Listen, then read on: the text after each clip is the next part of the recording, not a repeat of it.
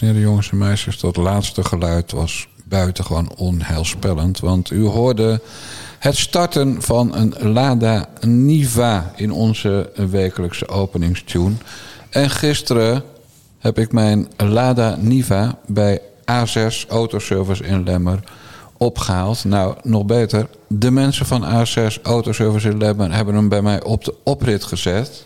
Nadat hij uit winterstalling was gehaald en zomer klaar is gemaakt. Dus binnenkort gaan de nare jongens ergens in de omgeving van Utrecht een uitgebreide fotosessie maken.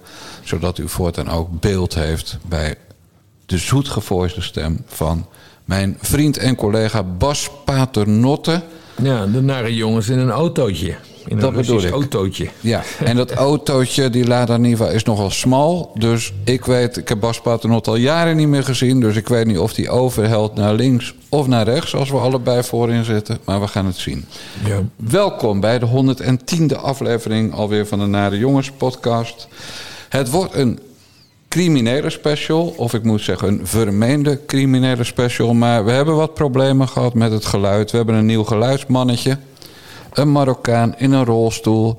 En eigenlijk kan hier geen kloten van. Dus vanochtend om 6 uur zat Bas Paternotte haartjes gekamd. Keurig het overhemdje aan, de stropdas om.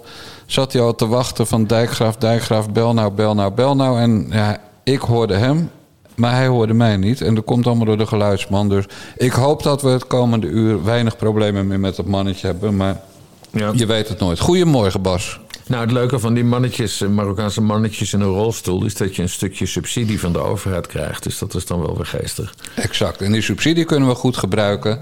Omdat nog lang niet iedereen abonnee is geworden van de Nare Jongens podcast. En voor jullie helemaal op het eind pas die pen pakken, doe het gewoon nu. En noteer narejongens.com slash... Nee, ik zeg het weer verkeerd, Bas. Het begint gedond. Weer de schuld van die Marokkaan in die rolstoel. Petjeaf.com naar de jongens. En daar ga je dan voor 4 euro per maand of 40 euro per jaar abonnee van ons worden. Oh, dit wordt een dit wordt helemaal niks, Bas Paternotte. Oh, ik heb juist extreem goede zin. En we hebben allemaal leuke onderwerpen. Nou goed, zullen we, met, met, met, met, met Hanneke van der Werf beginnen dan, van D66? Heel goed. Beste mensen, u kent haar niet, maar ze was campagneleider voor D66 bij de provinciale statenverkiezingen. Waar D66 ten opzichte van de Tweede Kamerverkiezingen meer dan halveerde. Ze ziet er ongeveer uit als een jonge uitvoering van Janine Hennis. Met zo'n mantelpakje, hooggesloten, kraagje helemaal recht. Kortom, een, een mutsje zoals wij dat noemen. Kom ze. Hoeveel mensen ken jij die seksueel geweld hebben meegemaakt? De kans is groot dat dat er een stuk meer zijn dan je denkt. Jaarlijks zijn er zo'n 100.000 slachtoffers van seksueel geweld. 1 op de 8 vrouwen en 1 op de 25 mannen is ooit verkracht. En 1 op de 3 kinderen onder de 18 is slachtoffer van seksueel geweld. Een gebeurtenis die impact op de rest van je leven heeft. Vaak denken mensen dat de daders onbekenden zijn. Maar het tegendeel is waar. In ruim 80% van de gevallen zijn slachtoffer en daden bekenden van elkaar. Er ligt een belangrijke rol voor mensen die in de zorg en het onderwijs werken. Zij kunnen signalen herkennen en slachtoffers doorverwijzen naar de juiste plek. En daders die moeten natuurlijk straf krijgen voor de pijn en de schade die ze hebben veroorzaakt. Maar laten we ook kijken waar het vandaan komt. Laten we toekomstige daders voorkomen. Dat begint met praten tijdens seksuele voorlichting op alle scholen. Over het aangeven en respecteren van grenzen. Leren wat wel en niet normaal is. Als mensen slachtoffer zijn, dan moet hulp direct vindbaar zijn. Ik wil daarom dat er één plek is in Nederland voor slachtoffers van seksueel geweld. Nou Bas, ik weet dat je niet kan voetballen, maar dit is een voorzet voor open doel. Hij, de bal stopt voor je voet en je staat op één meter van doel. Dus kop jij hem maar in. Ja, nee, echt dit van de partij van de Frans van Drimmelen-affaire. Wat zullen we nou krijgen, zeg? De, de, de, de, de- grote, de, grote, de grote partijadviseur Frans van Drimmelen... eh, die, die, eh, die, moest, die moest door het stof... eh, om, omdat hij een vrouw op het partijbureau had belaagd en, en, en, en gestolkt. En daarna is ze uit de partij gekikt. En ondertussen zijn ze tonnen kwijt in juridische kwesties. de, de affaire Sidney Smeets hè, met, met, met jong, jonge mannen. Volgens mij zeg ik het nu allemaal nog netjes. Jonge, jonge mannen. Dat zijn mannen van een jaar of 16, 17... waarmee het niet meer strafbaar is om seks te hebben als volwassenen. Ja, jonge, jonge en, mannen. En dan, en dan gaat nu Hanneke van der Werf, die in dit filmpje, want het is een filmpje, eh, verkleed is als een paasei. wat, wat, wat- ze ziet echt uit als een paasei. Eh, ja, nu gaat D66 zich opeens opwerpen als de, de, de partij die zich hard maakt voor, voor, voor, voor, voor vrouwen of, of mannen die hoe dan ook eh, in seksueel eh, verkeer benaderd worden. Hallo D66, zijn jullie vergeten wat jullie zelf mensen hebben aangedaan in dit opzicht? Nee, als D66 zou ik echt heel, even heel erg stil zijn hoor, over MeToo-affaires en dergelijke. Ja, weet je wat ook nog, wat, wat ook nog niet kan op het gebied van seksueel eh, schandalig gedrag? Dat je als hooggeplaatst persoon binnen een bedrijf of organisatie een relatie aanknoopt met een laag geplaatst persoon uit die partij of organisatie of dat bedrijf. En dat je er dan zwanger schopt, zoals dat dan heet. En dat je dan probeert te dwingen om abortus te plegen. En dat je diezelfde mevrouw, als ze de media opzoekt om uit te huilen, dat je die mevrouw dan de hele dure advocaat Koet Steupety op haar dak stuurt. Om het Ja. te intimideren zodat ze in gaat binden. Eh, want jij noemt Frans van Drimmelen en Sidney Smeets. Maar de grote roerganger van alle vuiligheid bij D66 heet Alexander Pechtold. Ja, ja. Dat was de baas. meest, Die heeft het het meest bond gemaakt natuurlijk. Exact, en die Ja. vergeet je dan gewoon even. Ja. Kijk, D66 heeft het onderzoek naar Sidney Smeets afgekapt... op het moment dat Sidney Smeets aftrad onder druk van Sigrid Kaag als Kamerlid. Hè? En, en dat onderzoek was eh, afgekapt met het kul-argument... ja, maar hij is nu geen Kamerlid meer, dus het is niet meer belangrijk. Ja. Nou, lekker dan dat hij vanaf eh, mei, juni weer benoembaar is als Kamerlid... omdat hij eh, Paul van Meen naar de Eerste Kamer gaat... Ja. Dus, dus als er één partij zijn smoel moet houden over seksueel misbruik en dit soort affaires, dan is het wel D66. Ja, ja, Lekker Ja. onderwerp, Bas, om mee te beginnen. inderdaad. Ja, nee, maar goed. Maar, en, maar ook, hè, eh, ze zitten er zelf ook mee. Godverdomme, hij Ja, let ja. niet op, man. Eh, ze, zitten, ze zitten er zelf ook mee in hun, in hun maag natuurlijk, omdat het, omdat het ze tonnen kost. Eh, want dus die mevrouw die is lastiggevallen door Frans van Drimmelen, die heeft een schadevergoeding gekregen. Ja. We, weten, we weten niet hoeveel. Ehm, eh, Samira Rafaela, dat is eh, dat, eh, hoe heet dat, Europese parlementslid van D66, die ten onrechte werd beschuldigd van ja, geen seksueel misbruik, maar machtsmisbruik en intimidatie. Dat heeft ze ook tonnen gekost. En er is nog een derde affaire bij D66. Eh, maar daar willen ze niks over kwijt. Want dat raakt namelijk aan de vertrouwelijkheid van het proces. Maar daar hebben ze dus ook al een ton aan besteed qua juridische kosten. Is dat met die banga-lijsten van die Eh, magere geen mannetjes? Idee, geen idee. Maar da- dat nieuws dat werd, eh, dat, werd eh, dat, dat was iedereen bijna vergeten. Maar dat werd in februari werd dat, bekend. Dat er dus een derde affaire is waar geld aan wordt besteed. Aan juridische kosten. Ja. Eh, alleen D60 wil niet zeggen wat dat is. Nee, maar er was natuurlijk die mevrouw met dat blog... die, eh, die eh, de magere mannetjes ervan beschuldigde... dat er een banga-lijsten werden bijgehouden met Ja. Pechtold... En die banga-lijst, dat betekent dan dat ze vrouwen cijfers gaven. Ze wilden, ze wilden met elke vrouw ongeveer seks. Ja. En dan gaven ze die vrouwen cijfers en ze schreven op waar ze goed en slecht in waren. Zoiets Ja. toch? En daar werden de namen onder andere genoemd van Pechtold. Ik dacht ook van de huidige hoofdredacteur van het dagblad Tubantia, Daan Bonenkamp. Daan maar, Bonenkamp, maar als ik ernaast zit, dan lieg ik in commissie. Nou goed, dat, eh, en, en één ding durf ik wel te zeggen dan nu. Sjoerd Sjoerdsma wordt daar niet van verdacht. Want die doet zulke dingen niet. Dat, dat, dat weet ik wel bijna zeker. Ik, ja, ik weet wel bijna zeker dat Sjoerd Sjoerdsma geen, geen banga-lijst heeft. En Jan. Paternotte? En, eh, nee, dat is een nette getrouwde kerel natuurlijk. Die, eh, nee, dit, nee, dit vindt echt plaats bij die communicatiejongens. eh, En dat, dat clubje rondom Pechtold. Ja. Dat zijn de, hè, dat zijn de, de, de er? Je bent aan het timmeren. Aman die Ahmed die loopt zo te kloten. Die, die, die rijdt steeds weg en die, zit- die wil naar het koffieautomaat. Ik, ik zit die rolstoel vast te houden met mijn linkerhand. Met mijn rechterhand zit ik nu op de knop. Welke knop, Ahmed? Och, och, och. Groene, Jan!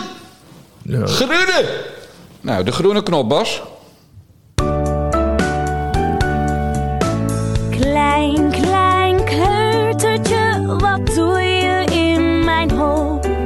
Je plukt er al mijn bloempjes af en maakt het veel te groot. Ach, mijn lieve mamaatje, zeg het niet tegen papaatje. Ik zal zoet naar school. Staan.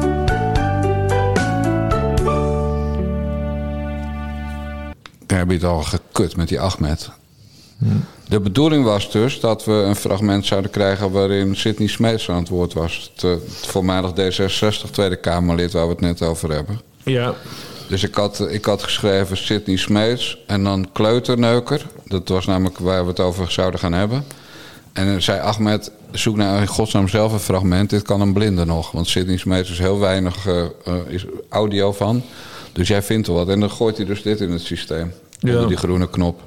Schandalig. Ja, goed. We gaan het even over City Smeets hebben in een ander verband. En dat is, een leuk, dat is leuk. Het is, een beetje, het is nog niet echt eh, lekker opgepakt door de media, dus dat gaan wij doen. Vertel, Jan. Jij weet dat vorige week eh, een voormalig Rotterdams wijkraadslid, een Rick Timmer, Ja. een hele lichte veroordeling heeft ge- gehad. Hij moet namelijk 250 euro betalen aan Sidney Smeets, omdat hij hem kleuterneuker had genoemd.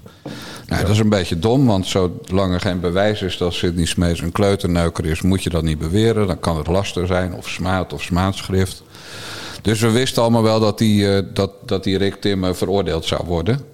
Want Smeets had aangifte gedaan. Dat is een- zijn nieuwe, zijn nieuwe bijverdienst.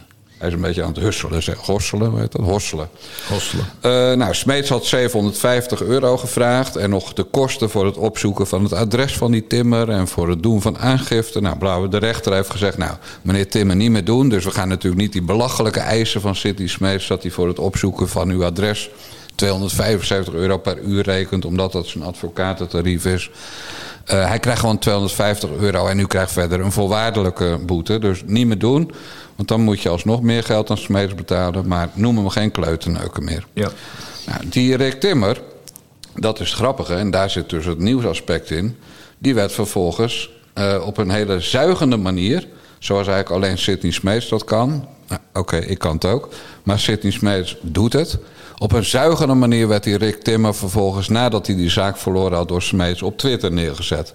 Dus dan schreef Smeets bijvoorbeeld, toch op, ik, ik, ik parafraseer, hè, want ik heb die tweet niet voor me, maar toch opvallend dat allerlei veroordeelde criminelen en mannen die, die verdacht worden van kindermisbruik, dat die zich op mij richten. Dat zei hij dan, hè? Ja, ja.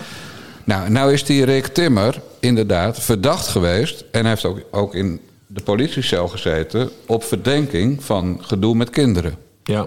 Maar daarvan is hij, daarvoor is hij gerehabiliteerd. Hij Ja. heeft ook een schadevergoeding gekregen. Dus, ja, dus dat op- was een valse, valse aangifte of valse toestand. Dat klopte dus gewoon, gewoon niet. Exact. Dus op het moment dat je dan steeds gaat roepen... ja, mensen die het tegen mij opnemen... en dat was die week alleen Timmer bij Smeets... Ja. ja, dat zijn vieze kindermisbruikers. Dat, zegt, dat suggereert hij. Ja. En hij noemt ook de naam van die Timmer niet. Wat natuurlijk is omdat hij slim is. Hij snapt wel, als ik die naam noem... ja, dan hebben we een groot probleem. Dan, eh, Ja. dan kan hij me pakken. Maar nou is die Timmer... dat is een, een mannetje waarschijnlijk die geen werk meer heeft... Die, of misschien is hij wel gepensioneerd, weet ik veel... Maar die is in, in Rotterdam aangifte gaan doen tegen Sidney Smeets wegens belediging. Want iedereen weet volgens hem dat Smeets op hem duwt, eh, eh, duidt met die kindermisbruiker. Ja. Nou, en wat is er nou gebeurd, Bas? En dat is echt heel leuk. De politie zei. Want normaal zegt de politie altijd: we zullen een melding doen, hè, weet je wel? U doet melding en dan gaat het er de la in. Maar wat heeft de politie in Rotterdam gezegd? Ik moet even groot maken, het beeldje. U heeft zojuist bij de politie een melding gedaan. Deze melding wordt als mutatie verwerkt in het bedrijfsprocessensysteem van de politie. Naar aanleiding van uw melding wordt geen opsporingsonderzoek ingesteld. En dan komt het. Dan heeft de politie, in het geval het is dus een melding, heeft de politie vier mogelijkheden. In uw situatie is gekozen voor een mutatie omdat. En dan is mogelijkheid 1. U zelf geen aangifte wenst te doen. Mogelijkheid 2. Het feit waarvan u denkt aangifte te kunnen doen is niet strafrechtelijk vervolgbaar. Mogelijkheid 3. In uw situatie een aantal, een aantal mutaties nodig zijn voordat een aangifte opgenomen kan worden. En voor die drie opties heeft de politie niet gekozen. Maar waar heeft de politie voor gekozen? In uw situatie, dus dat zeggen ze tegen meneer Timmer, is gekozen voor een bemiddeling van de wijkagent. Kortom, Sidney Smeets krijgt binnenkort, waar, wherever die woont, geen idee, bezoek van zijn wijkagent. En die wijkagent is geestig. gaat een foeigesprek of een stopgesprek met Sidney Smeets voeren. Sidney Smeets krijgt een foei-gesprek. Ja, Te grappig ik, dit. Ik zou het zo, zo meteen maar eventjes eh, op, eh, op nieuw nieuws gaan zetten, Bas Paternotte. Ja, ja, ja. Oh, dit is wel heel interessant zeg. Want dit gaat Sidney Smeets, voor zover wij hem kennen... maar we kennen hem uit zijn media-optredens... en uit zijn Twitter-optredens en Twitter-gedrag... die gaat dat heel slecht trekken... dat Ja. de politie bij hem gaat aanbellen... voor een foei-gesprek. Oh, want oh, want oh. Sidney Smeets had al gedreigd toen Rick Timmer op Twitter aankondigde dat hij afgelopen zondag naar de politie zou gaan. Had eh Smeets alweer gedreigd met valse aangifte is strafbaar. Ja, Nou, die aangifte die Smeets wilde doen is in zaken belediging. Eh, en op het moment dat, dat voor iedereen duidelijk is dat hij met die kindermisbruiker jou bedoelt. Eh, omdat, dat, wa- wanneer dat voor iedereen duidelijk is, ja, dan is, dan is Smeets dus op dit moment, voor, of eh, Timmer, is voor op dit moment volgens de politie. Dus inderdaad de man over wie Sidney Smeets het heeft. Ja. En daarom krijgt hij de wijkagent op bezoek. Ja, dit, jij zegt, hij gaat iets slecht trekken. Nee, dit wordt meteen weer een tegenaangifte ja, ja. voor een valse aangifte. En die Timmer had trouwens, die, voor die 250 euro had hij binnen een uur 400 euro gecrowdfund. En, Ja. en eh, wat hij over had gaat naar een goed doel. Nou, prima de prima. Maar goed, het is gewoon geweldig nieuws dat een toekomstig Kamerlid van D66... Eventueel toekomstig Kamerlid. Een vermeend toekomstig Nou ja, als hij wil, wordt hij Kamerlid. Ja, hij ja, bepaalt ja. dat al en niemand anders. Maar die hij krijgt dus een foeigesprek van, met de wijkagent in Am- waarschijnlijk Amsterdam. Oh, Ah, heerlijk. dat is toch smullen, of niet? Ja, heerlijk detail. Heerlijk detail. En hier komt natuurlijk weer een vervolg op. Hè. Wat ik zeg, Smeets gaat dit heel slecht trekken. Och, ja, en dan valt hij mooi in zijn eigen mest, die Smeets. Ja, dat is het. Ja. Kijk, want, want hij had gewoon gewonnen, hè? Ja. Uitspraak bij de rechter. Het stond in alle media. Die meneer Timmer, ja, die moest gewoon betalen. Eh, nou, dan ben je klaar. En dan ga je passief-agressief... ga je op Twitter nog even iets tweeten... waarvan iedereen... want ik had ook... ik zag die tweet gewoon live voorbij komen... ik wist gelijk, ja, natuurlijk gaat dit over die Timmer. Ja. En het is typisch... Of het typeert Smeets dat hij dus de naam van Timmer er dan niet bij zegt. Slim. Eh, dus daarom vind ik het heel goed dat Timmer dus naar de, naar, de, naar de politie is gestapt. En dat het dus gewoon in het gezicht van Smeets ontploft. Dan Ja. ben je dan ook een domme rukker, zou ik bijna willen zeggen. Ja, want het is ook heel goed dat de politie in Rotterdam zich niet laat intimideren door die Smeets met zijn grote smoel. Nee. Eh, maar gewoon zegt, nou meneer Timmer, u heeft een punt. Wij zien inderdaad dat hij hier u bedoelt. En, en dat is een zwaar bele- zware belediging. Nu bekend is en algemeen bekend kan zijn eh, dat u daar ieder geval vervolgd bent. Dat waarschijnlijk een valse aangifte was. En Smeets heeft natuurlijk alle gelegenheid gehad om excuses aan te bieden hè, voor zijn tweet. Ja. Oh, ik heb hem ten, ten onrechte, heb ik een meneer beschuldigd van kindermisbruik. Ja. Dat heeft hij allemaal niet gedaan. Dus de politie denkt, hey, fuck it, Smeets. Wij gaan eens even een, eh, een collegaatje in eh, Amsterdam bellen. Ja. Er wordt dan zo- zo'n zo'n beginnend meisje. Die komt dan in uniform bij Smeets aan de deur. En eh, nou, meneer Smeets, foei, niet meer doen, meneer Smeets. Anders, Ja, ja. anders wordt u alsnog strafrechtelijk vervolgd. Want dat is natuurlijk het gevolg van een foei-gesprek wat niet goed verloopt. Nee. Dat de politie zegt, hé, hey, we gaan eens even een rechtszaakje tegen u beginnen. Ja, oké. maar wij gaan ons hier niet over verkneukelen. Wij brengen dit puur sec als nieuws. Eh, Dus- Absoluut, nee, wij, vinden, wij vinden daar helemaal niks van. Dus, de, dus meneer Smeets, de, het gevallen D66-Kamerlid... die onlangs een zaak won omdat iemand hem ten onrechte kleuterneuken noemde... eh, die krijgt nu zelf de politie op bezoek... omdat hij die, eh, ja, die meneer eh, die is veroordeeld... Mogelijk daarna toch nog een soort trap na heeft willen geven... en dat de politie ook iets heeft van... ja, dat is een beetje apart. En daarom komt de politie langs. Leuk nieuws, Jan. Interessant nieuws, Jan Dijkgraaf. Ja, maar ook wel een probleempje voor Jantje Paternotte natuurlijk. Want die krijgt mogelijk deze, deze engnek in de fractie.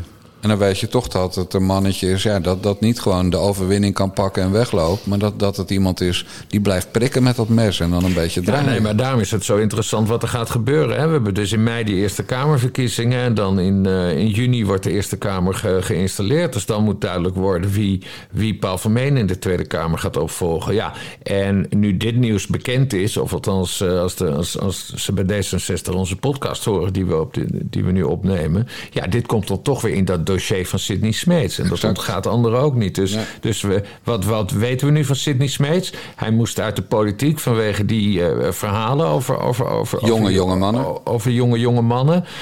Ehm, eh, ja, wat wil ik dan nou? eh, over wat we van oh, ja, nee, toen het onderzoek, het, het Ja. interne D66-onderzoek, wat opeens gestopt is om onduidelijke redenen. Eh, ja, en dan komt dus de situatie dat hij terug kan keren in de, in de, in de Tweede Kamer. Ja, en nu, en nu heeft hij een voor gesprek met de politie. Nou, dat is nogal een dossier hoor, voor iemand die dan terugkomt in de, in de Tweede Kamer van een regeringsfractie. En dan heeft hij nog mazzel dat je voor Kamerlidmaatschap geen verklaring omtrent gedrag nodig hebt. Nee, maar dat is ook heel goed, want anders zou je. Ja, ja, dat weet ik wel. Ja, nee, oké. Dan andere begin, je weer over Dion Graus zeker. Ik zeg helemaal niks. Oké, hey Bas, jij hebt natuurlijk gisteren ook naar half acht gekeken. En dat was een heel mooi, toch? Half acht, zoals jij het noemt. nee, ik heb geen holvacht Het is gezien. bijna afgelopen, hè, dat programma. Ja, ze trekken de sticker er definitief uit. Ja, dus dan, je, moet toch die, je moet toch wel altijd de zwanenzang van een programma even mee- meemaken. Ja, maar ik, de- het was gisteren maandag en ik ben altijd vrij op maandag. Oh ja, dan Dus kijk je ook niet voor je lol naar de tv. Nee, nee. Ik denk dat mevrouw Paternotte wel naar de Meirandjes heeft gekeken, of niet? Ja, dat vertelde ze mij, dat jij erop was. Want zij kijkt wel tv. Op, Ja, eh, godverdomme. Ik heb, ik heb dus cuperose in mijn smoel. Weet je wat dat is? nee. Ja, dat zijn van die rode adertjes. Ja. Die, heb- die kan je dus ook krijgen, krijgen als je niet zuipt. Maar, maar dat zie ik dus nooit bij mezelf. Want ik kijk mezelf in de spiegel altijd alleen recht aan. Zoals je weet. Maar het zit in je smoel of op je smoel? Ja, erop. Maar dat zijn dus hele dunne adertjes die je kan zien. Dus je hebt dan rode streepjes op je bek. Maar dat zie ik nooit bij mezelf. Oké. Maar gisteren zag ik dus in beeld, even los van dat ik dik ben en alles. Maar goed, het waren beelden van 9 december. Dus eh, niemand weet hoe het er sindsdien mee eh, gaat. Eh, maar, maar ik zag dus echt alleen maar van die rode streep op mijn smoel. Dus nu zijn er twee mogelijkheden. Ik heb vergaderd met mevrouw Dijkgraaf vanochtend vroeg. Of ik moet al die dingen weg laten halen, want dat schijnt te kunnen. Ja. Maar dat, ja, dat doet er geen pijn, maar het kost gewoon even geld waarschijnlijk, want het is, het is eh, heel veel. Eh, of ik mo- moet een baard laten staan. Dus dan moet jij even zeggen wat het wordt. Dan kan ik dat ook nog in, in, de- in de tweede vergadering over dit onderwerp met mevrouw. Nou ja, jouw kennende laat je het gewoon weghalen. Want jij bent, jij bent, jij bent, jij bent rete ijdel. nou, dan, dan had ik wel nul onderkinnen, Bas Paternotte, als dat zo was. Ja, ja, je kan je, dat heeft een collega van mij ooit gedaan. Die heeft zijn onderkin laten bevriezen. Ah, flikker op, man. Ik, Dat is echt heel bizar. Nee, dan, gaan ze, die- had, dan krijg je zo'n band onder je onderkin. En, en dan, ja, dan wordt het bevroren. En dan die, die vetcellen die, die verdwijnen daarna. En daarna was die onderkin, die was een maand later ook verdwenen. Heel grappig ja, was dat. toch. Ik ga, ik ga wel gewoon 10.000 stappen per dag doen. En, Ja. eh, en, en minder snoepen en geen wijn drinken. Dan, dan- en geen cola en geen ginger ale. En, eh, en dan, dan moet het daar maar mee gaan. Maar ik ga niet, een, ik ga niet met mijn kop in een vrieskist liggen. Nee, Voor je maar voorstellen, dat maar kom ik Sigrid Kaag dus over die, over die oski. Cuperose. Couperose. Oké. Nou ja, rode streepjes. Maar kijk, vroeger had je wel van die mannen met zo'n hele rode neus, weet je wel. Maar dat precies, zo'n alcohol, ja. Maar dit Ja. zit dus aan de zijkant, het meeste zit aan de zijkant van mijn hoofd. En Ja. ook op de plekken waar ik kaal ben. En het enige wat er eigenlijk echt tegen helpt, en zei ik tegen mevrouw Dijkgraaf, van ik kan een paar duizend euro aan die behandeling uitgeven. Maar als ik een weekje met lekker op mijn luie in de zon lig, een beetje Mhm. te bakken, dus met een hele bruine kop terugkom, dan is het ook weg. Dus, dus dat, dan druk je de kleur weg, zeg maar. Dus ik zei tegen mevrouw Dijkgraaf... als ik nou moet kiezen tussen mijn gezicht laten behandelen... door een mevrouw in zo'n zo'n zo'n ziekenhuisstoel... of gewoon lekker eh, niet één keer per jaar een weekje naar Portugal... naar mijn grote vriend te vliegen, maar vier keer per jaar... Ja. Zei, nou mevrouw Dijkgraaf, dan weet ik het wel. Toen zei ze, joh, ga jij emigreren, man? Toen werd ze weer boos. emigreren, ja, ja, Ja, ja. moest ik, want, want ze wilde niet mee. Het was Ja. ook weer in mijn eentje. Maar als je, maar als je dus onder, in de zon hebt gezeten, dan, dan zien de mensen het niet. Ja, als ik een hele bruine kop heb, zien ze het niet. En ik, Nee, nee, maar dan is dat dus de oplossing. Ja, en, je en ik ben helemaal eh, verslaafd aan de zon. Ik, Ja. ik ben, ben best pigmentverwend, dus maar een beetje zon en ik word bruin. Dus Ja. eh, nee, want kijk, maar, want een baard laten staan, dat is, dat is bijna uitlokking. van wat? Nou, eh Tjeerd de Groot woont toch bij jou om de hoek? Ja? D- Nou, dan, dan fietst hij langs en dan, eh, dan roept hij... Hé, kaboutertje! Kabou- kaboutertje Dijkgraaf! Ja, nee, dus dat... eh Ja, dan Een baard, hoor. dan roos ik hem gewoon die Karpenplassie tegenover in. En dan, dan dekken we het helemaal af met zonnepanelen. Dan ben ik opeens voor. En dan Ja. is het te groot, er wordt nooit niks meer van vernomen. Oh ja, alsnog die zonnepanelen Ja. erop dan, ja. Hoewel ik moet zeggen, Bas Paternotte, we horen toch al niks van hem. Dus misschien is dit al gebeurd, joh. Heeft hij al een keer ruzie gemaakt met iemand hier in Friesland? En in Friesland zijn we niet aardig voor vervelende Nee, nee, Westerlingen. maar hij heeft, zi- hij heeft zich alweer geroerd in de Kamer. Dat Oh. was vorige, vorige week. Toen ging het over stank, eh, stankwetgeving of zo. En toen, eh, toen begin je ook weer allemaal mensen beledigen Ja. en zo. Whatever. Maar Maar goed, zo hebben we dus allebei onze fysieke malheur. Jij, jij had een klein probleempje dat je eh, verslaafd raakte aan eh, dingen toen je stopte met roken. Zoute Ja. stengels. Ja, nee, dat ik, ik moest twee weken in retraite. Ook nog? Ja, nee, maar goed, ik, dat wilde ik niet zeggen omdat dit een gratis podcast is. Hè? Kunnen, kunnen ook die, die Sydney Smeets achter. Sydney Smeets luistert trouwens mee. Ik heb een aangifte gezien van Sydney Smeets waarin wij genoemd worden. Ja, De Nare Jongens dan? podcast. Nou ja, Als, worden als voorbeeld ge- gebruikt of zo. Van, eh, een, een citaat uit de Nare Jongens podcast wordt gebruikt. Maar waar het om gaat is dat, dat die laaie lichter dus wel gratis luistert. Maar hij staat niet in ons abonnementensysteem. Of hij heeft onder een andere naam. eh, Nee, dat kan niet, met, eh, dat kan niet makkelijk, laat ik het zo zeggen. Omdat je bankrekeningnummer... eh, en die, Nee, die checken wij natuurlijk allemaal. Want we willen geen D66'ers als abonnee. Nee. Voor zover ze dat zelf zouden willen, Bas. Oké, lang verhaal kort. Je gaat dus meer de zon in om die... eh, Lang verhaal kort, wij gaan heel veel bellen vanuit Portugal en zo. Ja, oké. En omdat mijn Lada Niva nu weer voor de deur staat, dacht ik... ik ga maar eens een keer... Hij rijdt gemiddeld 80 per uur. Ik ga maar eens een keer met de auto naar Portugal. Zei mevrouw Dijkgraaf, neem je tijd, neem je tijd. Nou ja, zo is het hier, Bas.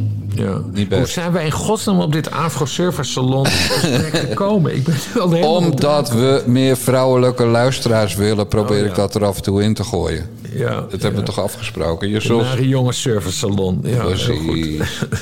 nou, half acht hadden we het dus over. Oh ja, en jij luistert acht, niet. ja. En dit was gisteravond in half acht. Jij van eh, André Hazes, vind je dat leuk, die muziek? Ja, ik sta daar elke dag wel eh, onder de douche eh, bij mee te zingen. Nee, dat is niet waar. Nee, nee is, niet, is niet jouw keuze. Want hij heeft een probleempje. Er is eh, nieuwe muziek, eindelijk weer eens. Maar hij wordt beschuldigd van plagiaat. En ik dacht, nou, ik laat jullie even oordelen. We gaan eerst even naar zijn nummer luisteren, kort. En dan naar het andere nummer. Dit is André Hazes. Want ik krijg geen adem meer. Is dit de laatste keer? Oh, ik slenter over straat alsof je niet bestaat. Ja, het gaat er even niet om of je dit mooi vindt of niet. Maar luister dan naar het volgende nummer van Kevin DeGraw. En let op de vergelijking.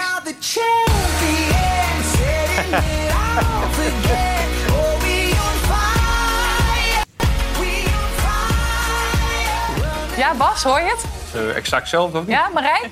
Nee, ik hoor echt totaal... Nee, tuurlijk. dit, dit kan toch niet bestaan dat het zo op elkaar lijkt... en dat het dan niet op elkaar geïnspireerd is? Nee, in ieder geval... Nou, het, het opmerkelijkste is ook dat het hetzelfde tempo heeft. Ja. Soms Ja. wordt er wel eens gejat en dan denk je van... Nou, het is, heeft een ander riffje of een ander Nee, het is dingetje. gewoon wel hetzelfde. Ja. Ik zag gisteren Ja. bijvoorbeeld een geweldig iets van, eh, van Blackbird, van Paul McCartney... die een stukje van Bach heeft gepikt.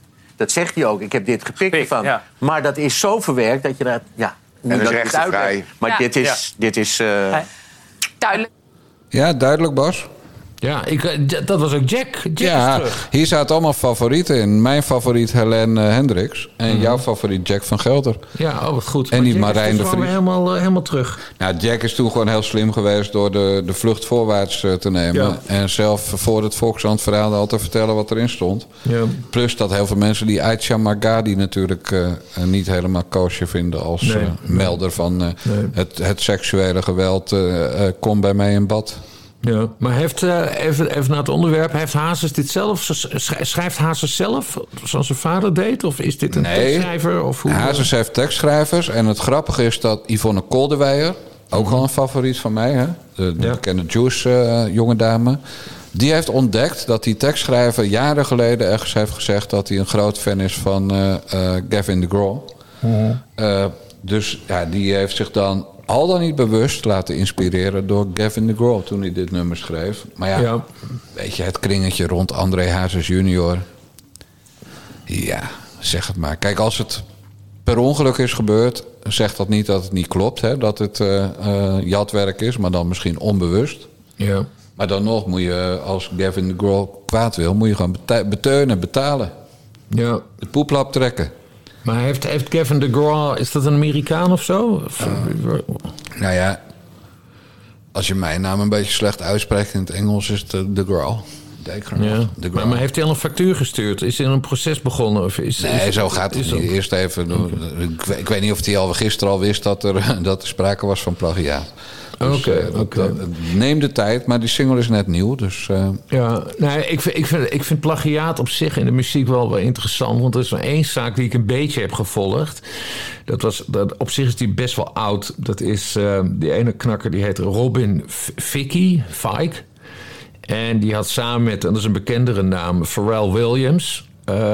had dus een nummer gemaakt en dat heet Blurred Lines... En dat lijkt wel heel erg op een nummer van Marvin Gaye, Got to Give It Up. En de, de nazaten van Marvin Gaye, die hebben, eh, zijn toen een rechtszaak begonnen. En die hebben ze gewonnen. En eh, toen eh, mochten meneer Vicky en, eh, en Pharrell Williams... die mochten 4 of 5 miljoen dollar afrekenen. ja. Dus dat was best, best wel heftig. Later, dat was een jaar later, eh, dat was het andere nummer van eh, Pharrell Williams, Happy, wat trouwens een ontzettend goed nummer is. Dat vind ik, dat vind ik, eh, dat vind ik een heel leuk nummer. Daar zijn de nazaten van, van Marvin Gaye ook boos over geworden. Want dat lijkt wel heel erg op Ain't That Peculiar. Nou, die zaak hebben ze verloren.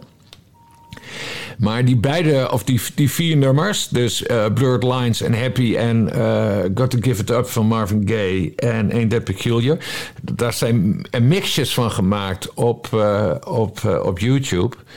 En als je dat Blurred Lines en Got to Give It Up mixt, dan hoor je dus dat het inderdaad wel heel erg op elkaar lijkt en geplagieerd is. Maar dat het eigenlijk samen ook veel beter klinkt.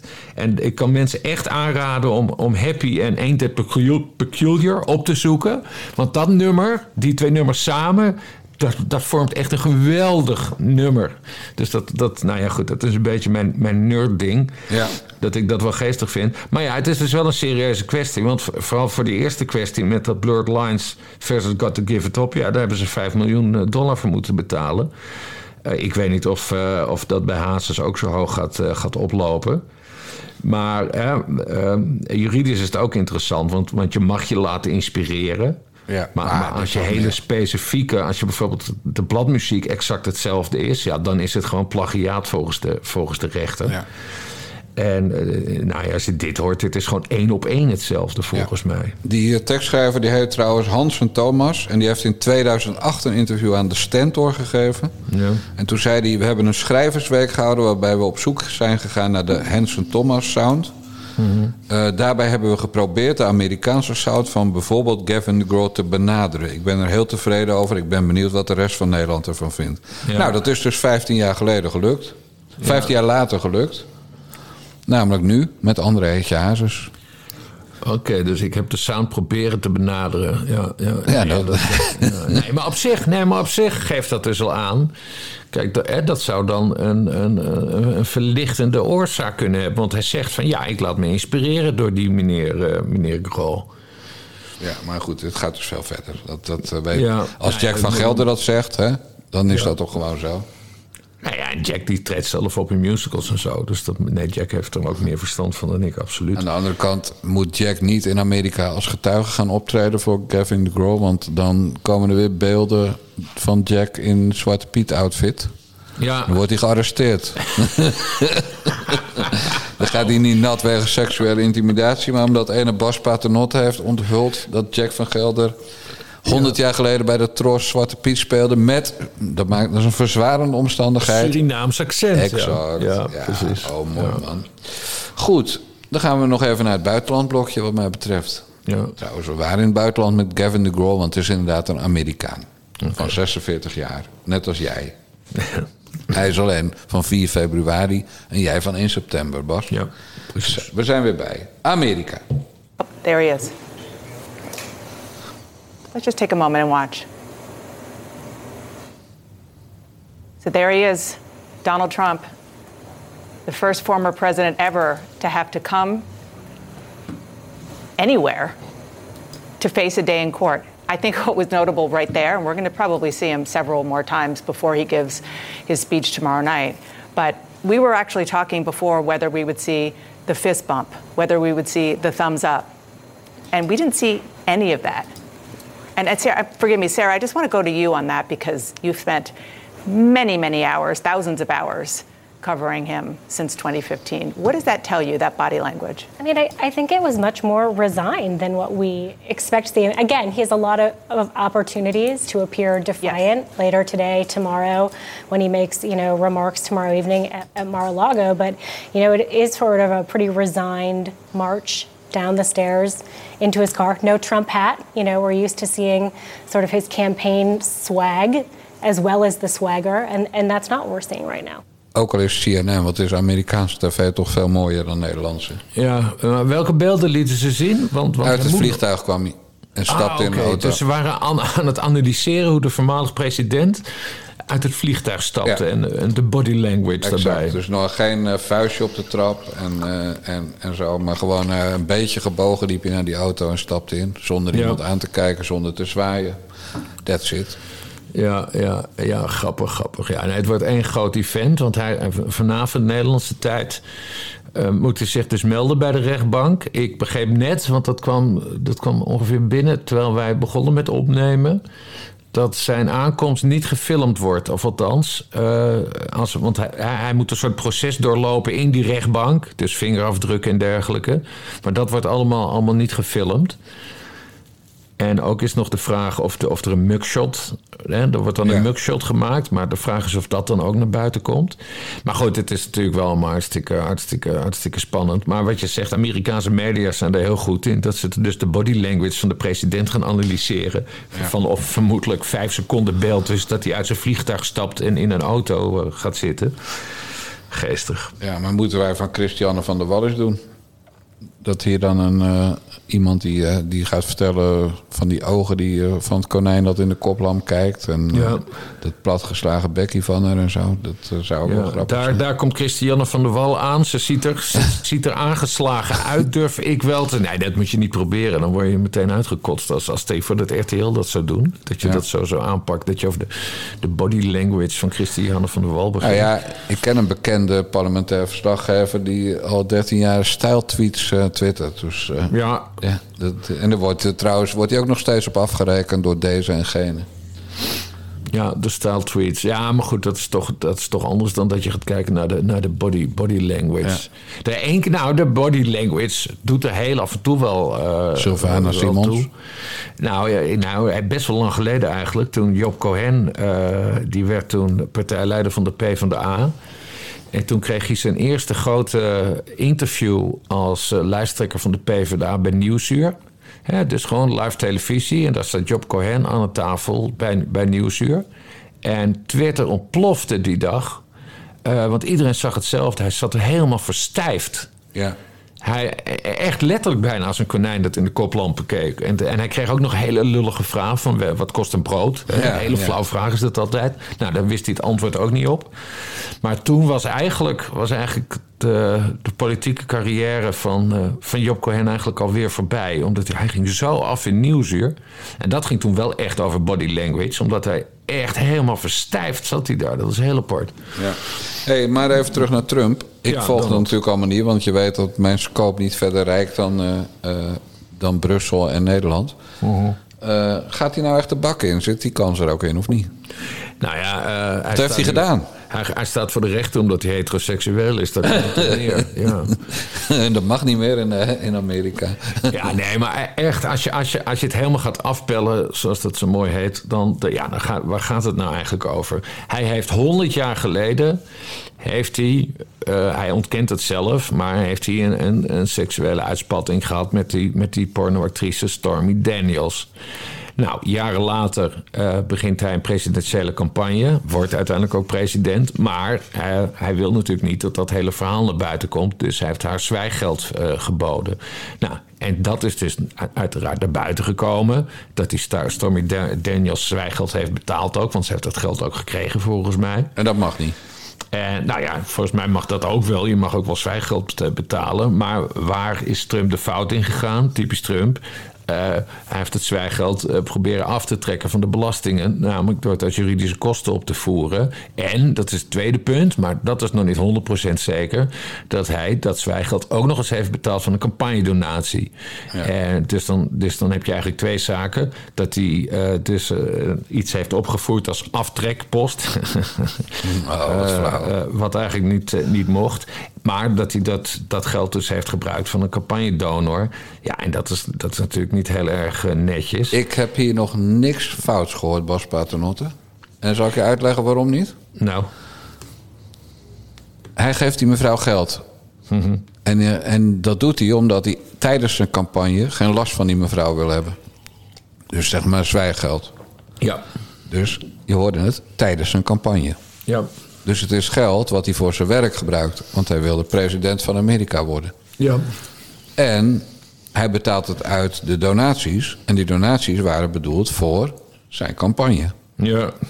Dus ik hoor hier gewoon een man die zakelijke kosten heeft opgevoerd.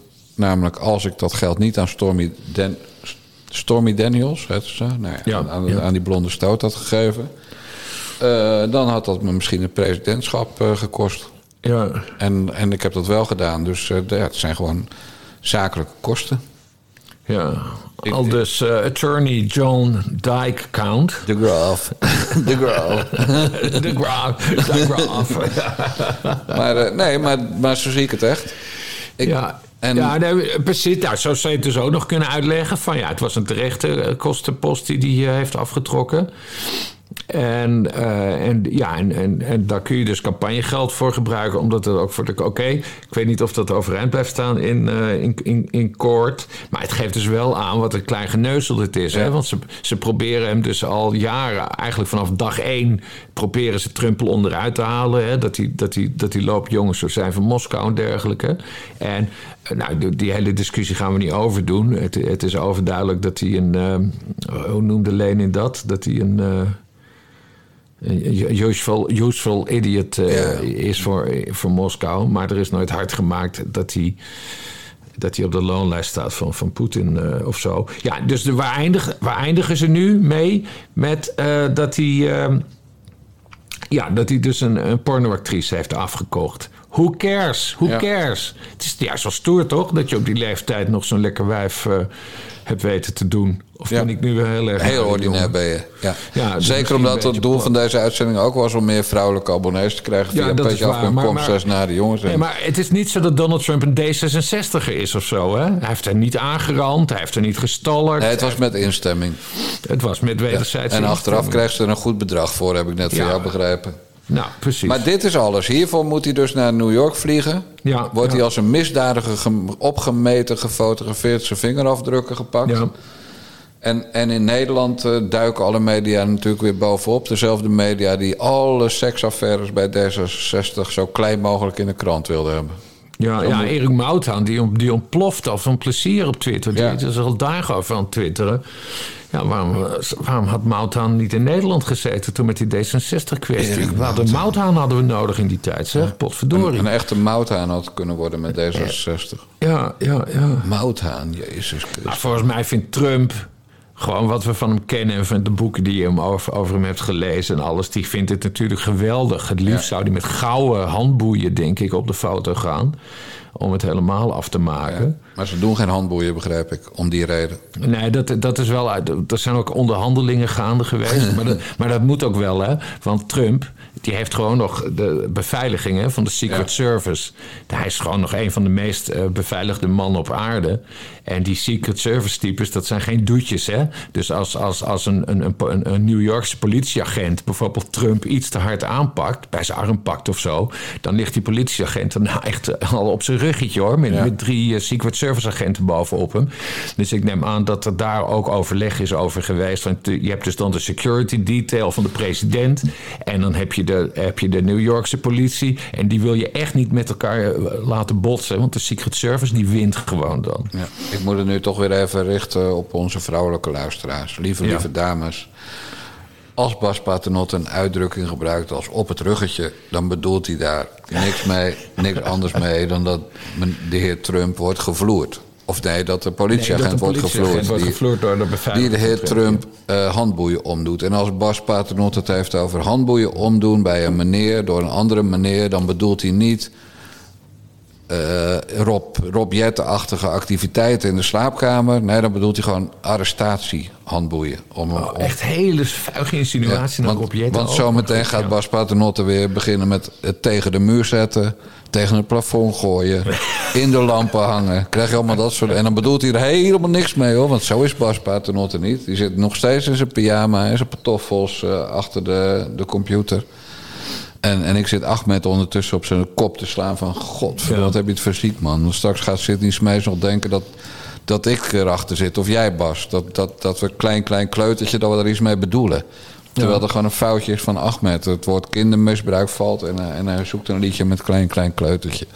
Ja, schandalig. Ik denk dat we Ahmed ook gewoon gaan ontslaan op Bas. Ja, nou, we zijn er wel transparant over. Dat hij Ja, zo toch? in het draaiboek stond. eh, ja. Audio Sidney Smeets. Ja. Gesprek over. Ja, er stond 0, dubbele punt 00. Ik, dat, ik weet niet waarom ik het er ooit heb bijgezet, maar er staat namelijk voor alle stukjes. En dan staat er audio Sidney Smeets. Ik zal zo ook eh, eh, het bewijs twitteren. En dan staat er eh, openingshaakje B plus J, sluitingshaakje. B is dan Bas en J is ben ik. En dan staat er een gesprek over stopgesprek met huisagent dat hij krijgt. Ja. En een huisagent was bedoeld wijkagent. Dus zelfs met tikfout zal ik zo meteen op Twitter zetten. Ja. Dat, dat Sidney Smeets weet dat we niks bedoelden met eh Ahmed zijn keuze voor het liedje Klein Klein Kleutertje. Nee, wat- Ahmed met zijn karretjes zijn verantwoordelijkheid niet de onze. Ja, precies. Zo moet, Ja. Je, het- zo moet je het zien. Nou, Maar, Ahmed. maar, vind je, maar vind jij nog wat van, eh, van Trump? Ja, Ja, ik vind, eh, ik vind de gouden peer eerlijk gezegd. Eh, Ja, maar dit is, toch een, dit, is toch de perfecte rel gewoon? Dat hij naar de rechter moet van... We, Tuurlijk, voor hebben hem zeker, Rusland ja. gehad, we hebben Oekraïne gehad, we hebben allemaal toestanden gehad. En Ja. waarom moet hij voor de rechter komen? Ja, omdat hij zwijgeld heeft gegeven aan een pornoactrice. Ja. Nee, en ik denk dat Amerikaanse rednecks dat die het geweldig vinden. Ja. Die vinden dit alleen maar stoer van hem.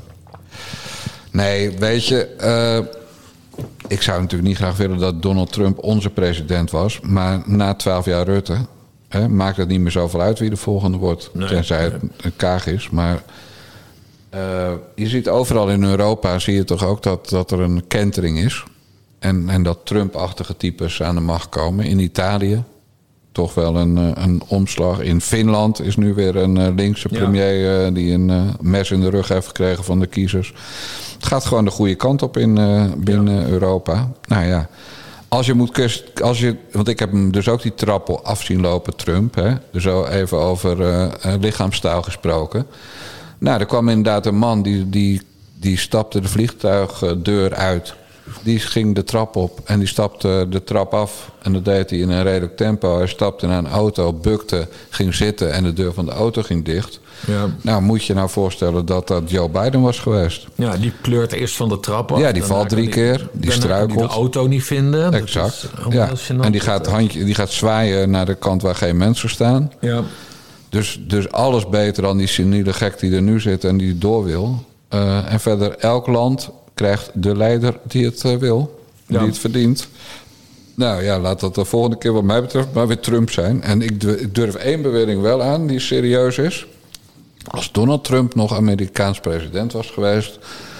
zaten wij nu niet in die kutoorlog van Oekraïne met Rusland. Ik denk dat Trump wel gewoon had gezorgd dat Poetin die oorlog niet begonnen was.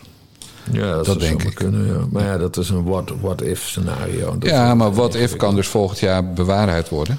En Ja. wie zegt dat die oorlog dan over is? Want ze vinden het veel te lekker. Hare Kaagheid is ook weer miljoentjes wezen uitdelen dit weekend. Ja.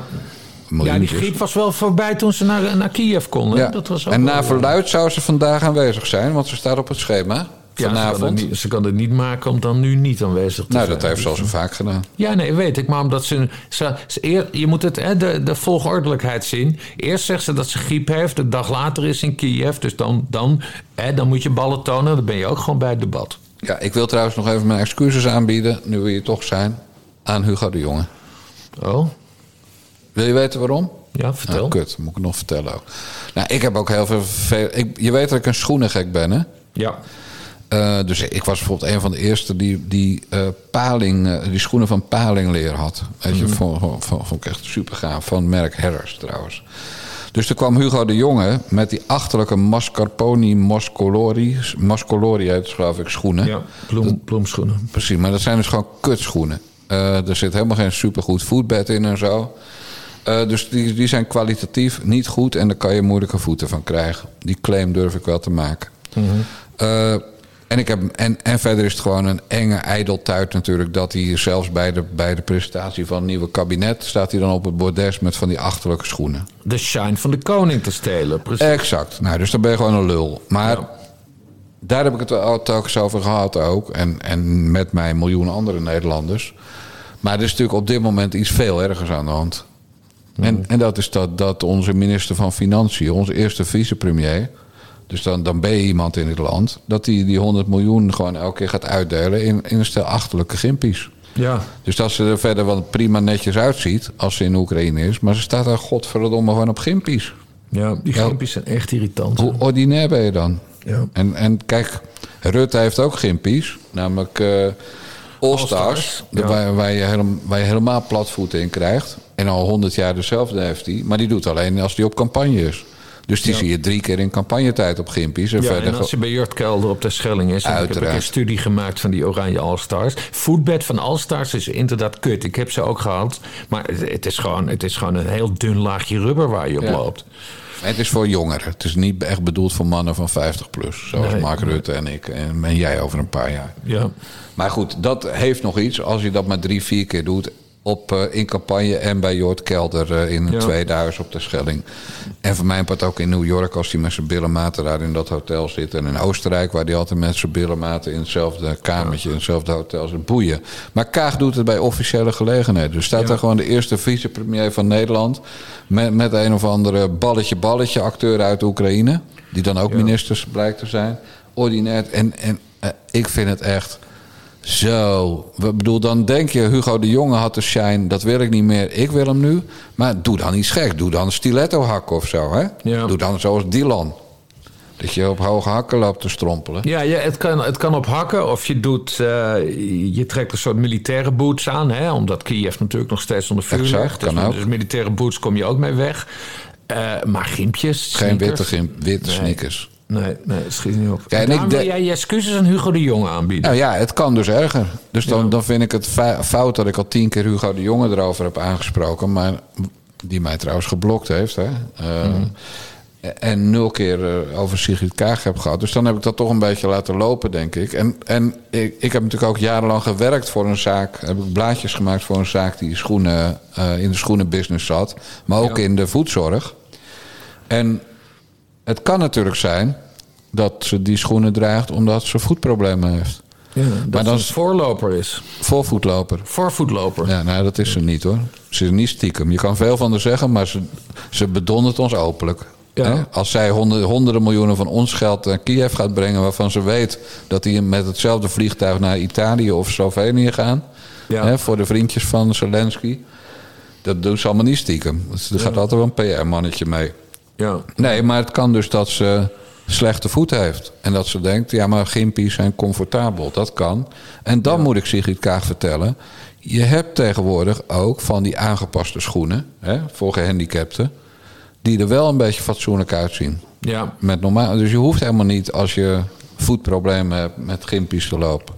Omdat je denkt van ja, an- an- anders heb ik ouw aan mijn voetjes. Ja, ja. Nou, dit is trouwens ook een mooi bruggetje naar het debat van vanavond. Hè? Want vanavond is dus het debat over de verkiezingsuitslag en over, over het stikstofbeleid. Eh, want jij zei, want ik zei dus voor, voor voetloper. Maar dat is een kenmerk van de stiekemert, zeg jij. Ja. En, maar dat klopt wel, want Kaag is geen, geen stiekemert. Want ik ben bijvoorbeeld heel benieuwd naar het debat... of zij vanavond ook weer eens een woedeaanval gaat Ja, vast. Ja. Ja, hè, omdat ze, want dat zou dan haar derde woedeaanval in de nationale vergaderzaal worden. Dus dat kan nog wel eens, wel eens lachen worden. Kut, kut, kut, kut, kut, kut, kut, kut, kut, kut, kut. Nu moet ik ook nog excuses maken aan Sigrid Kaag. Ja, maar hoezo? Nou, dat ga ik je uitleggen. Bij een vorig debat waarin ze kwaad werd, Mhm. zei ze: Meneer Wilders, u gaat nog heel veel zetels verliezen. Weet Mhm. je dat nog? Nou, en wij lachen toen D66 zetels verloren en zetels verloren en zetels verloren. En Wilders in de plus stond en in de plus Ja. stond. En, in- en wat is de, de laatste peiling van Maurice de Hond? PVV verliest heel veel zetels aan BBB, weliswaar. Ja. Maar de, ik geloof van, van 15 naar 9 of zoiets. Ik weet niet precies hoeveel ze nu hebben. Ja, ja, nee, Caroline, Caroline vreet alles op nu. Ja, dus ook de PVV. Dus Sigrid Kaag had, had voorspellende gaven toen ze zei dat, dat meneer Wilders eh, heel veel zetels gaat verliezen. Ja, Alleen, zij dacht natuurlijk aan haar en aan andere eh, redelijke partijen. Eh, maar het was aan Caroline van der Plas. Dus Ja, sorry, mevrouw Kaag. Da- Daar wordt het vanavond trouwens ook wel een interessant debat. Ook al denk ik niet dat het vanavond al ge- gaat gebeuren. Eh, maar Caroline van der Plas die gaat nu natuurlijk ook eh, wat meer tegenwind krijgen vanuit de PVV. eh, vanuit Ja 21. Nou, V- Forum voor Democratie, die, die kon het toch al niet met haar vinden. Want Caroline van der Plas is nu dus ook gewoon een bedreiging aan het worden voor de, zeg maar de zittende oppositiepartijen. Of, nou, in ieder geval de PVV, die dus al veel langer meedoet. Ik weet niet of dat vanavond al gaat gebeuren, maar ik voorspel dat we gaan zien dat, dat Ja21, dat PVV, dat die de komende tijd ook wat speldenprikken gaan uitdelen naar Van der Plas. Ik geloof het niet van Wilders. Want Wil, je hebt Wilders ook bij Forum nooit eh, de aanval zien openen. In mijn ja, heel af en toe wel. Hij heeft af en toe heeft hij Baudet wel eens eh, ergens op aangesproken, omdat hij, dat hij hem te elitair vond. Nee, op, want op een gegeven moment wil de achterban dat ook. Dus Dat ze, gaat, ze gaat, ze gaat, eh, Caroline van der Plas gaat binnenkort een beetje tegenwind krijgen op dat vlak, denk ik. Ik denk niet dat het vanavond al gebeurt. Verder is het te grappig hè, dat, de, dat de sprekers. eh, de sprekerslijst is nog steeds niet rond. De, de, de coalitiepartijen die staan normaal altijd bovenaan omdat ze zich als eerste aanmelden. Maar ze hebben zich nog niet aangemeld. Eh, ben je er nog, Jan? Ja, ik ben er. Ja, ik luister Oh, naar je. Aandachtig. Oh, je, je luisterde Ja. ademloos. Ik Ja. dacht even dat eh, de verbinding goed was.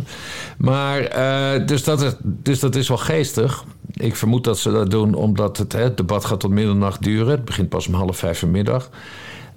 Dat ze dan niet meer in het acht uur journaal komen. Want iedereen gaat hakken op de, op de coalitie. Dus nee, het gaat een ontzettend grappig, spannend, spannend debat worden. Wopke Hoekstra gaat het voor de kiezer krijgen. En Kaag. En eh Kaag gaat het voor de kiezer krijgen. Maar alle ballen op Mark Rutte. Die gaat er ongetwijfeld, ik weet niet hoe, maar die gaat er ongetwijfeld uitkomen. Hij, hij, hij gaat toch met een formulering komen waarmee hij echt gaat verklaren waarom eh, hij pau- pauserend kan versnellen of versnellend kan pauzeren. Daar komt een echt, ik weet nog niet wat, maar hij, er gaat iets, hij gaat iets zeggen dat we denken: hé, hey, dat heeft Mark best goed gezien. Dat heeft hij best wel goed. Dus ja, nee, het gaat niet heel spannend worden. Maar Geert Wilders heeft al gezegd dat hij motie van wantrouwen gaat indienen. Nou ja, dat is. eh dat is, eh, stemming. Dus ze moeten allemaal komen, toch? ja. Dus dat is, ja, dat is eigenlijk old. Dat is, dat is ook niet zo bijzonder. Maar ze, moeten, ze moeten het alleen wel even gaan uitleggen. En, en dat wordt het spannendste. Hoe gaan ze dit uitleggen? En de oppositie gaat natuurlijk schieten op... eh, op, op, op, op- op proberen wicht te, te krijgen tussen D66 en de rest van de coalitie. En met name omdat types als Tjeerd de Groot dus zo op het orgel hebben gespeeld van nee, het moet 2030 worden. En dat het er nu toch op lijkt dat het niet 2030 wordt. Eh, dat mag D66 dan uitleggen. Dus dat is dan Jan Paternotte en eh, Sigrid Kaag in vak, eh, vak K. Kaag in K. Ja. En dan hopen dat Kaag een woedeaanval krijgt. Dan, eh, Dat zou leuk zijn. Verwacht jij trouwens dat van die vier partijen wel de fractievoorzitters het woord gaan voeren? Of ja, de, dat moet wel, moet wel. Het zou, het zou wel heel lafjes zijn als... eh, als eh, mevrouw Thiele van de VVD komt. ja, en... eh, en eh, Is Joba van den Berg... Ja, van den Berg. Dat was en, corona. En, en dat paas zei wat we net hoorden. Hanneke van der Werf, dat zou ook wel geestig zijn. Maar goed. Nee, Tjeerd de Groot zou dan woordvoerder eh, zijn. Als ze het op stikstof willen. Nee, maar Ah, zou het, ook is natuurlijk, zijn. het is natuurlijk een fractievoorzittersdebat. ja. Dus eh, ze kunnen het niet maken niet te komen. Helemaal ook. Dus Sophie Hermans kan ook weer een trillend lipje gaan krijgen. ja, daarom. Ja. Eh, helemaal omdat de coalitie in eerste instantie het debat heeft geblokkeerd. Uite- Uiteindelijk, eh, onder druk van Jesse Klaver, bonden ze in. En, en nou, nu is het debat er. Dat zou er heel raar zijn als de fractievoorzitters niet komen. Maar dat ze, dat ze dus nog niet op die sprekerslijst staan... dat doen ze echt om zeg maar niet in het acht uur journaal te komen.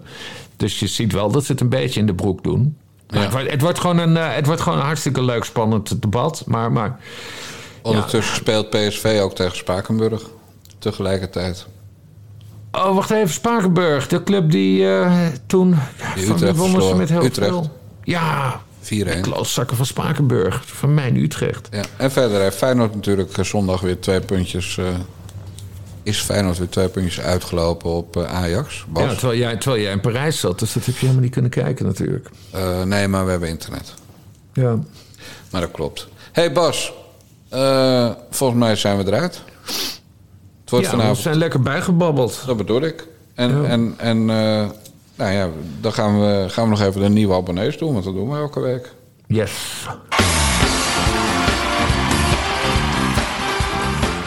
Beste mensen, de nieuwe abonnees van deze week van de Nare Jongens podcast via petjeaf.com slash Nare Jongens zijn. En Bas Paternotte houdt er geslachten bij en we hebben twee soorten man en vrouw. Ten eerste, welkom Sven. Welkom Chris. Welkom René. Welkom eh, Sandra, welkom Menno, welkom Ruud, welkom Karin, welkom Leon, welkom Ed, welkom Arjan, welkom Helen, welkom Kimmy, welkom Ellen. En welkom Gerrit. Nou, ik Nou. tel minimaal vijf vrouwen. En eh, René, als dat dan met dubbel E Nee, één nee. Oh, één, oké. Eh, Nee, dan in ieder geval vijf, eh, vijf Van de. 15 maakt 33% vrouwelijke nieuwe abonnees. Dus dit Ja, was, weer een, was weer een redelijk weekje voor de Nare Jongens podcast. Wij zijn Maar zo fucking inclusief. Dit is toch hartstikke mooi? nee, ik wil gewoon meer, meer, meer, meer. Ja, nog meer vrouwen. Ja. 50-50? Of zelfs of meer vrouwen Nou dan ja, mannen we, we hebben wat, terug, wat te compenseren. Want we zitten inmiddels op ruim 1050 eh, abonnees. Ja, Nou, ik denk dat daarvan toch wel 70, 80 procent man is. ja. En dat is gewoon niet gezellig. Wij, wij zijn voor een inclusieve podcast. En, Ja. en we zijn hartstikke aardig voor de vrouwtjes. Hè? Dus als Bas Paternot het heeft over op het ruggetje... bedoelt hij helemaal niks seks, seksistisch of zo. Nee, nee, nee. En, en, en alle grappen die we maken over vrouwen... laten we nou eerlijk zijn, Bas, jij en ik. Als er één vrouw tegenover ons staat en die zegt... Nu! Nu! Dan, zeggen, dan rennen wij gewoon keihard weg. Ja, zonder, zonder, zonder de opdracht te weten, voer hem wel uit. Ja, nee. Ja. Als, mijn vrouw, als mijn vrouw zegt, je moet nu dit doen, met stemverheffing... dan, dan als, als Pavlov-reactie doe ik dat, hè? Om van, Ja, natuurlijk. Oké, gelijk opdracht uitvoeren. Misschien dat ik dan geen slaag krijg. Ja, zo ligt het dus. Dus beste dames, beste heren. Dit was de 110e aflevering van de Nare Jongens podcast van Niva Radio alweer. Wil je voortaan ook de Bellen met Bassie podcast en de Ecumenische Kerkdienst uit de Basje en Jan Moskee ontvangen? Abonneer je dan via petjeaf.com slash Nare Jongens. Want Bas is dan blij en ik ben blij. En dan gaan we nog heel lang door met dit. En misschien stoppen we wel met, met die vervelende stukjes van ons. Hè? Dat krijg je dan als bonus. Als we groot genoeg zijn, dan zeggen we... ah, Dat zouden we trouwens pas bij 10.000 abonnees doen. Dus dat gaat, Ja. niet, dat gaat niet lukken. Nee, maar uiteindelijk is het doel meer podcasten, minder schrijven. Juist. Zo is dat. Beste mensen, beste Bas, de mazzel. Doei doei.